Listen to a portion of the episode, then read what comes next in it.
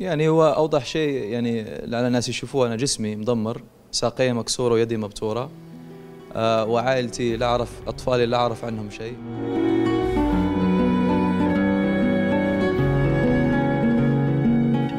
هذا هو عبد الحميد المديوم أمريكي من أصل مغربي وهو أحد أفراد داعش المعتقلين في سجون شمال شرق سوريا. لا يعرف عن أطفاله شيء كما سمعنا. فقد تم إبعادهم عنه لأنه في السجن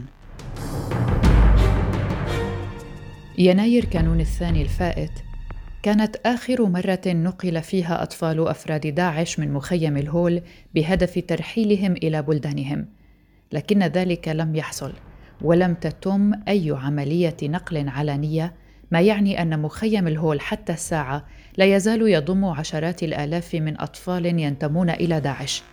هؤلاء الأطفال يعيشون مع أمهاتهم الحاملات غالبا لفكر التنظيم الإرهابي. ومن هناك من أخطر مخيمات العالم اليوم دخلت مراسلتنا روناك شيخي إلى ذلك المخيم وعادت بما سنسمعه معا هنا. بدأت رحلتهم من بلادهم إلى سوريا برفقة آبائهم. منساقين وراء وهم الخلافة الذي دعاهم إليه زعيمهم البغدادي. داخل مخيم الهول الذي يأويهم يطاردون فريق أخبار الآن. بعضهم يرشقنا بالحجارة بتعليمات من أمهاتهم الداعشيات وبعضهم يريد التحدث إلينا. يدربونه يريد يروح يدربونه يدربونه يدربونه اي يدربونه يشيلون السلاح ويقولون له اطلع. أيوه. إيه. وأنت يا طفل. لا أنا ماني طفل. ليش؟ أنا رايح عليهم كان خلاني أشيل السلاح وأطلع. بس ما ما رحت عليهم. يعني كان في أطفال بعمرك شايلين إيه. اشبال أيوة. الخلافة؟ اشبال الخلافة؟ إيه. شو يعني اشبال الخلافة؟ يعني دولة إسلامية. يعني دولة إسلامية. دولة إسلامية بس يعني شوية صغار يعني مو اشبال الخلافة؟ ليش الطفل لازم يشيل سلاح ولا لازم يشيل شنطايته يروح على المدرسة؟ لا يشيل. شنطته يروح للمدرسة. لا يشيل الشنطة ويروح للمدرسة. إذا هو صغير. إذا هو صغير يشيل الشنطة ويروح للمدرسة. طيب أنتم ما انكم صغار؟ لا. إحنا من قد اعماركم أنا عمري 14 يعني أنت مو خرجت تروح على المدرسة؟ بلا أروح للمدرسة. بس الحمد لله أني تعلمت.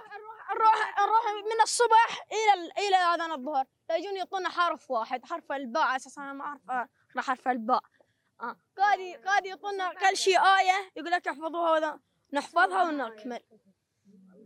القليل فقط من الدول قامت باستعادة أطفالها. فيما بقي الكثير منهم في المخيم الذي يفتقر إلى الكثير من مقومات الحياة حسب إدارة المخيم. يبلغ عدد الأطفال بمخيم في مخيم الهول 45037 طفل أي بنسبة 65% من الأطفال داخل المخيم. يعاني الأطفال من مشاكل عديدة من منها الفكر المتشدد وقلة مراكز التعليم بالإضافة إلى إصابة الكثير من الأطفال بالأمراض وذلك لقلة الأدوية ونوعية الأدوية. وذلك لذلك نحن كإدارة مدنية المخيم وبالتنسيق مع العديد من المنظمات في المجالات المتنوعة نحاول تفادي الوقوع في هذه المشاكل منها فتح العديد من المراكز التعليمية لتغيير الفكر وتوعية الطفل من جديد. اليوم نسمع عن إطلاق سراح ألف مقاتل داعشي من السجون الأوروبية يقول كبير المحللين في الأمم المتحدة. أن تهديد تنظيم داعش المهزوم سيكون أكبر بعد إطلاق سراح هؤلاء الألف من مقاتليه العائدين من السجون الأوروبية على مدار العام 2020 ويعتبر المسؤولون أن البرامج الأوروبية التي جرى اتباعها لتأهيل المقاتلين وإزالة التطرف قد فشلت في تغيير معتقداتهم. وقال إدموند فيتون براون وهو دبلوماسي بريطاني سابق ومنسق فريق الدعم التحليلي ومراقبة العقوبات التابعة للأمم المتحدة. إن أزمة فيروس كورونا كانت فجوة بالنسبة لتنظيم داعش لكن يمكن أن تظهر المجموعة كقوة أكثر ديناميكية. فقبل أزمة كورونا كانت رائحة الموت تنبعث من التنظيم بعد سلسلة من الهزائم إلا أن براون حذر من أنه في قلب العراق وسوريا يمكن أن ينظر إلى التنظيم على أنه ينمي ثقة جديدة ويصبح أكثر جرأة. وأشار أحدث تقرير للأمم المتحدة في كانون الثاني يناير الماضي إلى أن التهديد الذي يشكله داعش في أوروبا والدول الهشة مثل أفغانستان سيتعزز بإطلاق سراح السجناء. وقال براون أيضا إن المقاتلين العائدين يخرجون من سجن قصير الأمد وبذات الإطار الذهني أي أن راديكاليتهم لم تتغير وقناعاتهم هي هي. نعود إلى عبد الحميد المديوم. كما ذكرنا أمريكي من أصل مغربي وهو أحد أفراد داعش المعتقلين في سجون شمال شرق سوريا. يقول إنه نادم على ما أضاع من سنوات ضمن صفوف تنظيم داعش الإرهابي وفي مقابلة حصرية مع أخبار الآن قدم اعترافات ومعلومات سنستمع إليها في الحلقة اليوم من بودكاست في عشرين دقيقة. حكى لنا عن تضعضع تنظيم داعش وفناء أفراده بالسجن أو بالمحاكمات التي لا يزال أهالي ضحايا التنظيم ينتظرونها. بعد اندحار تنظيم داعش وقتل زعيمه حيث تتكشف يوما بعد يوم المناكفات الداخلية التي كانت تتربص بمفاصل هذا التنظيم يقول عبد الحميد إن الخلافات بين الجنسيات في التنظيم كانت سيدة الموقف وإن قادة التنظيم مارسوا الظلم بحق كثير من منتسبيه عبر إلصاق تهم كان منها التجسس وسرقة الأموال والخيانة. أنا أعرف كثير من الناس حتى ولو كان فكرتهم نفس الفكرة لكن يريدوا واحد يريد من الثاني منصب يقول عنه أنه هو جاسوس، هذه أسهل طريقة. أو يقول عنه أنه سرق مال كثير من بيت المال ما يسمى بيت المال المسلمين، يعني أي شيء يملكه المسلمين. يعني التصفية بهذا الأمر كان سهل جدا. وبيمن الناس من قالوا الامنيين نفسهم كان منهم جواسيس لأمريكا وكان يقصفوا السجون يلموا ناس ضدهم في سجن بعدين يعطوا إحداث تحالف وياتي وتقصفهم. الداعش السابق أوضح أن قادة التنظيم مارسوا الكثير من الظلم بحق المنتسبين له عبر لصق تهم كثيرة ومتنوعة وجاهزة لمن كان على خلاف مع أحد قادة داعش. مؤكدا في الوقت ذاته أن التنظيم اعتقل الكثير من الأشخاص بحجة أنهم جواسيس أو خونة. خلافات كثير لأن أصل أصل هؤلاء القيادة كانوا يعني ناس عاديين قبل الدولة. إذا كانوا يعني كثير منهم كانوا ناس عاديين بعدين انضموا لداعش وصاروا قيادة وكذا. باختلاف مثلا من من يسمى هم الخوارج أو المرجئة اختلاف في العقيدة آه كانوا الأمنيين يعتقلوا بعض الناس على التهمة أنهم جواسيس. كنت أنا بالنسبة لي أنا كشخص كنت أنا أخاف جدا أن أنا يقولوا لي أنت جاسوس لأمريكا أو كذا. وإذا قالوا هذا الشيء أنا رحت خلاص. يعني أكيد يقتلوني أو أو يسجنوني مدة طويلة جدا. غير ذلك يعني كانوا كانوا اختلافات كثيرة. آه كثير منهم خاصة في الآخر أيام هربوا. آه بأنا أعرف واحد منهم هرب لإدلب وصار مع جبهة النصرة واحد جزائري أصله. كان اختلافات كثيرة طبعا كثيرة جدا. وعن تأثر القادة في التنظيم بالمد العشائري. أكد عبد الحميد أن أفراد التنظيم ظلموا بسبب ذلك من قبل القادة العراقيين تحديدا. كثير من العراقيين كان أصولهم يعني في الجيش العراقي وكذا كانوا يعني آه، متعودين لأمر وساطات يجوز أكثر من السوريين يجوز أكثر من الأجانب. آه، والعراقيين عندهم عشائرية وقومية أكثر. آه، ربع هم إذا ربع بعض لا يبيعوا بعض دائما يكونوا مع بعض يستروا على بعض. فهذا من الأسباب الأصلية أنا كان صار هذه المشكلة. أنا ولا هو يرى أخوه أو ربعه أو كذا من, من يعني شخص لا يصلح لأمر يستر عليه ويغطي عليه. عكس الأجانب. آه، إذا رأى أجنبي آه، صار مع مشكلة أو سوى خطأ أو شيء مباشرة هذا للكب. وبعدين يجيبوا أصدقائهم وكذا يعني يبنوا عرشهم تحتهم. لما أتيت سوريا سوريا اختلفت كل اختلاف لأن كثير كثير كانوا أمراء ف كثير كثير جدا كانوا أمراء في سوريا. في العراق كذلك أمير المعسكرات كان هذا الطاجيكي قوات خاصة اللي أتى من طاجيكستان. في سوريا لا. آه، في سوريا جميع المفاصل كان فيها مهاجرين وأجنبيين. فاختلفت. بالآخر أيام لما سقط العراق وأتوا عراقيين لسوريا بقية العراقيين كلهم أتوا. هذا هو اللي رأينا لمن رأى من لا من ما رأى العراقيين رآهم حقيقة في الآخر أيام. استعمال الوساطات وكذا. ولما قل الأكل وقل هذه الأمور أنت كان يعني أظهر. اذا المديوم رد تعرض أفراد داعش لظلم كبير إلى أن الكثير من قادة داعش العراقيين أتوا بالأساس من مؤسسة عسكرية تعتمد على الوساطات وتأثرهم كذلك بالمد العشائري وتسترهم على بعض بالاعتماد على تبعياتهم العشائرية. وهذا يشرح حدوث العكس مع الأجانب. وبرز حسب المديوم برز ذلك أوضح بعد سقوط الموصل وهروب القادة العراقيين إلى سوريا. سألناه كيف كان موقع قائد تنظيم داعش أبو بكر البغدادي بين مقاتلي التنظيم؟ كيف كانوا يتواصلون معه في أيام ادعائه قوته؟ وكم مرة شاهدوه وجها لوجه؟ كان الشك عند بعض الناس أنه أصلا مو موجود.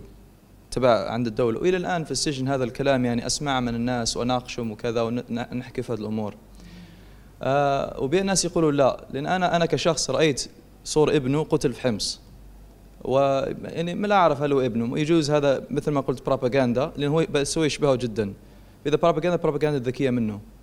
آه الكلام اليقين أنا عرفت عنده هو حكيت مع واحد حكيت مع كثير من الناس. معروف أنه قصف من قبل التحالف آه، وكان في حال غيبوبة وفترة فهو له بروباغندا يعني حتى عند الجنود هو له بروباغندا أن ينصروه. هو له ختم خاص يختم الأوراق بها. أنا ما رأيته كشخص ما رأيته ولا ولا أعرف حد رآها.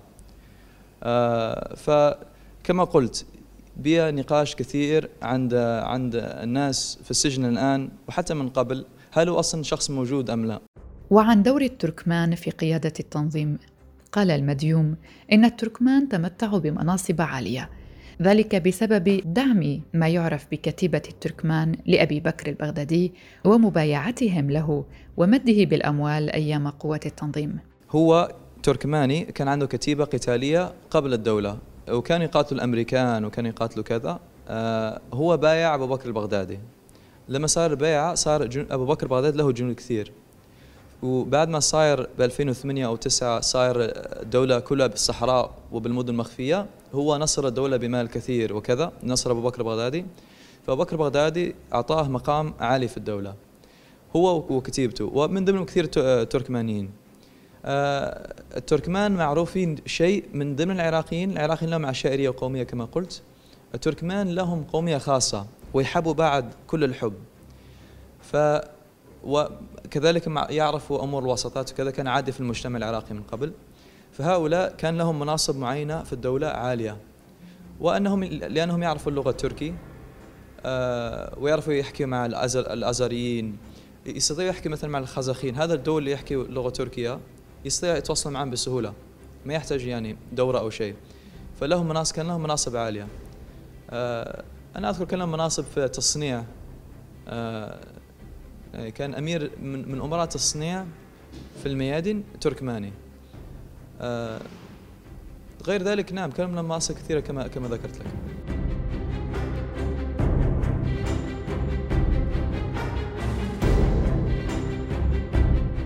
في الحادي والعشرين من شهر يناير كانون الثاني من العام الجاري ذكرت صحيفة الجارديان البريطانية أن أبو إبراهيم الهاشمي القرشي الزعيم الجديد لتنظيم داعش بعد مقتل البغدادي في غارة أمريكية في سوريا في نهاية تشرين الأول أكتوبر والذي بحسب الصحيفة يتحدر من الأقلية التركمانية في العراق.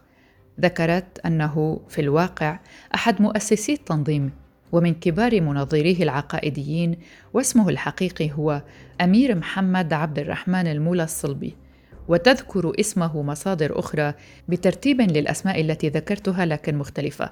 فقد أوردت أيضا صحيفة ذا تايمز الأمريكية أوردت الاسم على أنه أمير محمد سعيد عبد الرحمن محمد المولى أو كما يعرف باسم عبد الله قرداش. وكون المولى من الأقلية التركمانية في العراق ما يجعله واحدا من القادة غير العرب القلائل في التنظيم الجهادي. عمل قرداش ضابطا في السابق في جيش صدام حسين وبزغ نجمه في التنظيمات المتشددة بعد سقوط صدام عام 2003 إلا أن تقارير أخرى تتحدث عن كون قرداش الذي ولد في تلعفر العراقية عام 1976 تخرج من كلية العلوم الإسلامية في الموصل ولم يعمل ضابطا كما أشيع عنه.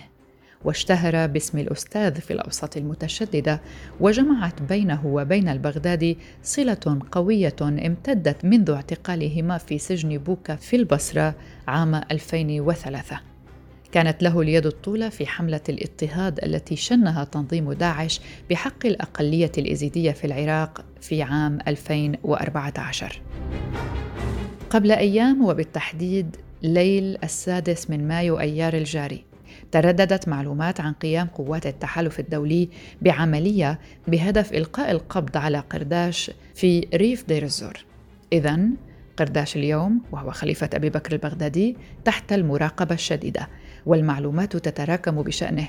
هذا ما نقله الخبير الاستراتيجي فضل أبو رغيف لأخبار الآن من مصادر ذي صلة وثيقة بالأجهزة الأمنية العراقية. لذلك لديه أتباع وبما أنه يجيد اللغة التركية وبما أنه للقومية التركمانية فهو لديه أتباع في تركيا. هم جاهزون لتنفيذ أي عملية يقوم بأمرهم بها. لذلك هي حدود منطقة الجغرافية وانتقاله في سوريا وقليلا ما في تركيا لأنه لا يستطيع أن يأتي العراق لسبب رئيسي أنه ما عادت أرض تمكين له في العراق. والعراق أصبحت أرض استخباريا مكشوفة لذلك هي تشكل خطر على تواجده. أو حتى محاولة دخول العراق. خلية الصقور تتفرد بهذه المعلومة آه، لديها علم بتحركات آه، عبد الله قرداش. وعبد الله قرداش آه، تناهت معلومات إنه اجتمع في أحد كهوف أو تلال مكحول أو أحد المناطق الغربية من محافظة الأنبار المناطق نائية صحراوية. لكن هي هذه لا تعدو أكثر من كونها معلومات استنتاجية وليس معلومات مادية واقعية. لذلك المعطيات والمؤشرات والمعلومات جميعها تشير إلى عدم دخول العراق البتة. أي زعيم يتصدى لخلافه تنظيم داعش آه، لا لا يلقى القبض عليه سرعان سريعا بعد تسنمه الخلافة. لكن آه، يعني اولا كل خليفة سواء عبد الله أو غيره اولا يتنقل بافراد بأفراد قليلين لا يتجاوز عددهم ثلاث أفراد وهم مقربون منه. لا يحمل أي جهاز اتصال منقطع عن العالم الخارجي لا يتصل بأي من أتباعه لا يمكث طويلا في أي مكان يرتاده ويتنقل بطريقة متخفية ولا ولا يرتدي ملابس توحي بأنه ينتمي إلى تنظيم داعش من الزي الأفغاني إلى ما غيره.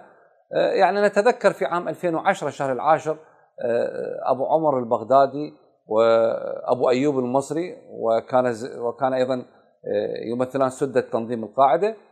كانا قد اختبأ وتحصنا في بيت مهجور في اقاصي منخفض الثرثار وتم استهدافهم وفق معلومات على أثر القاء القبض على مناف الراوي الذي كان واليا للبغداد ولاية بغداد في حينها.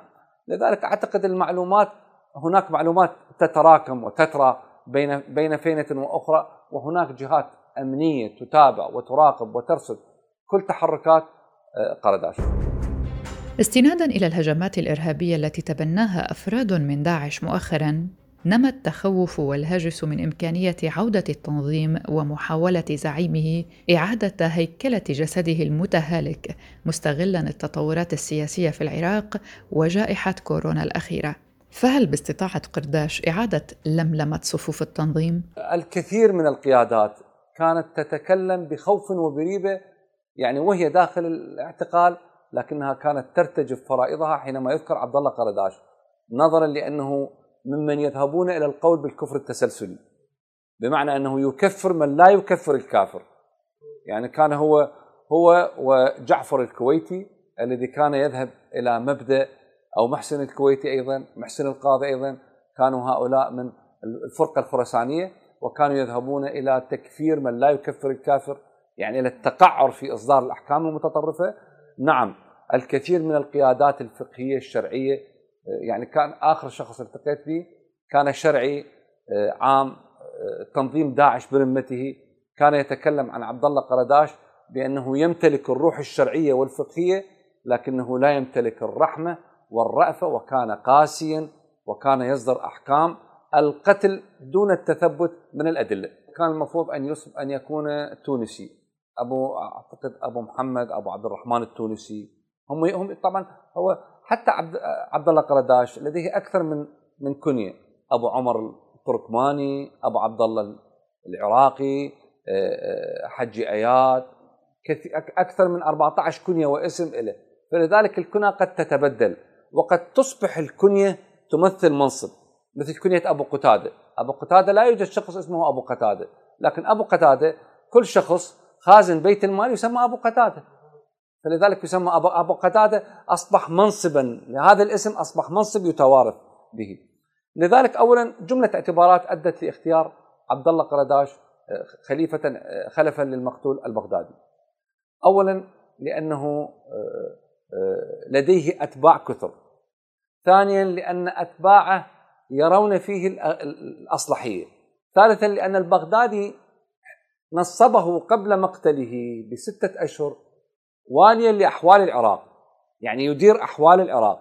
لأن البغدادي استشعر بأن التنظيم في العراق بدأ يتهالك. ولا يستطيع أحد أن يرمم له هذا البيت وأن يعيد له ترتيب أوراق التنظيم إلا عبد الله قرداش لما يمتاز من مقبولية داخل التنظيم سواء كان من القراتشه أو من غيرهم. لكن من أين يأتي التنظيم بالتمويل؟ وعلى ما بات يعتمد بعد تضييق الخناق عليه؟ الأهم كيف يتعاطى أفراد التنظيم مع قرداش كزعيمهم الجديد. التنظيم آه الآن ما عادت له دولة تمكين. لذلك اتبع التنظيم التنظيم لديه أربع استراتيجيات قديمة ومتجدده. المفخخات والانتحاريين والاغتيال والعبوات.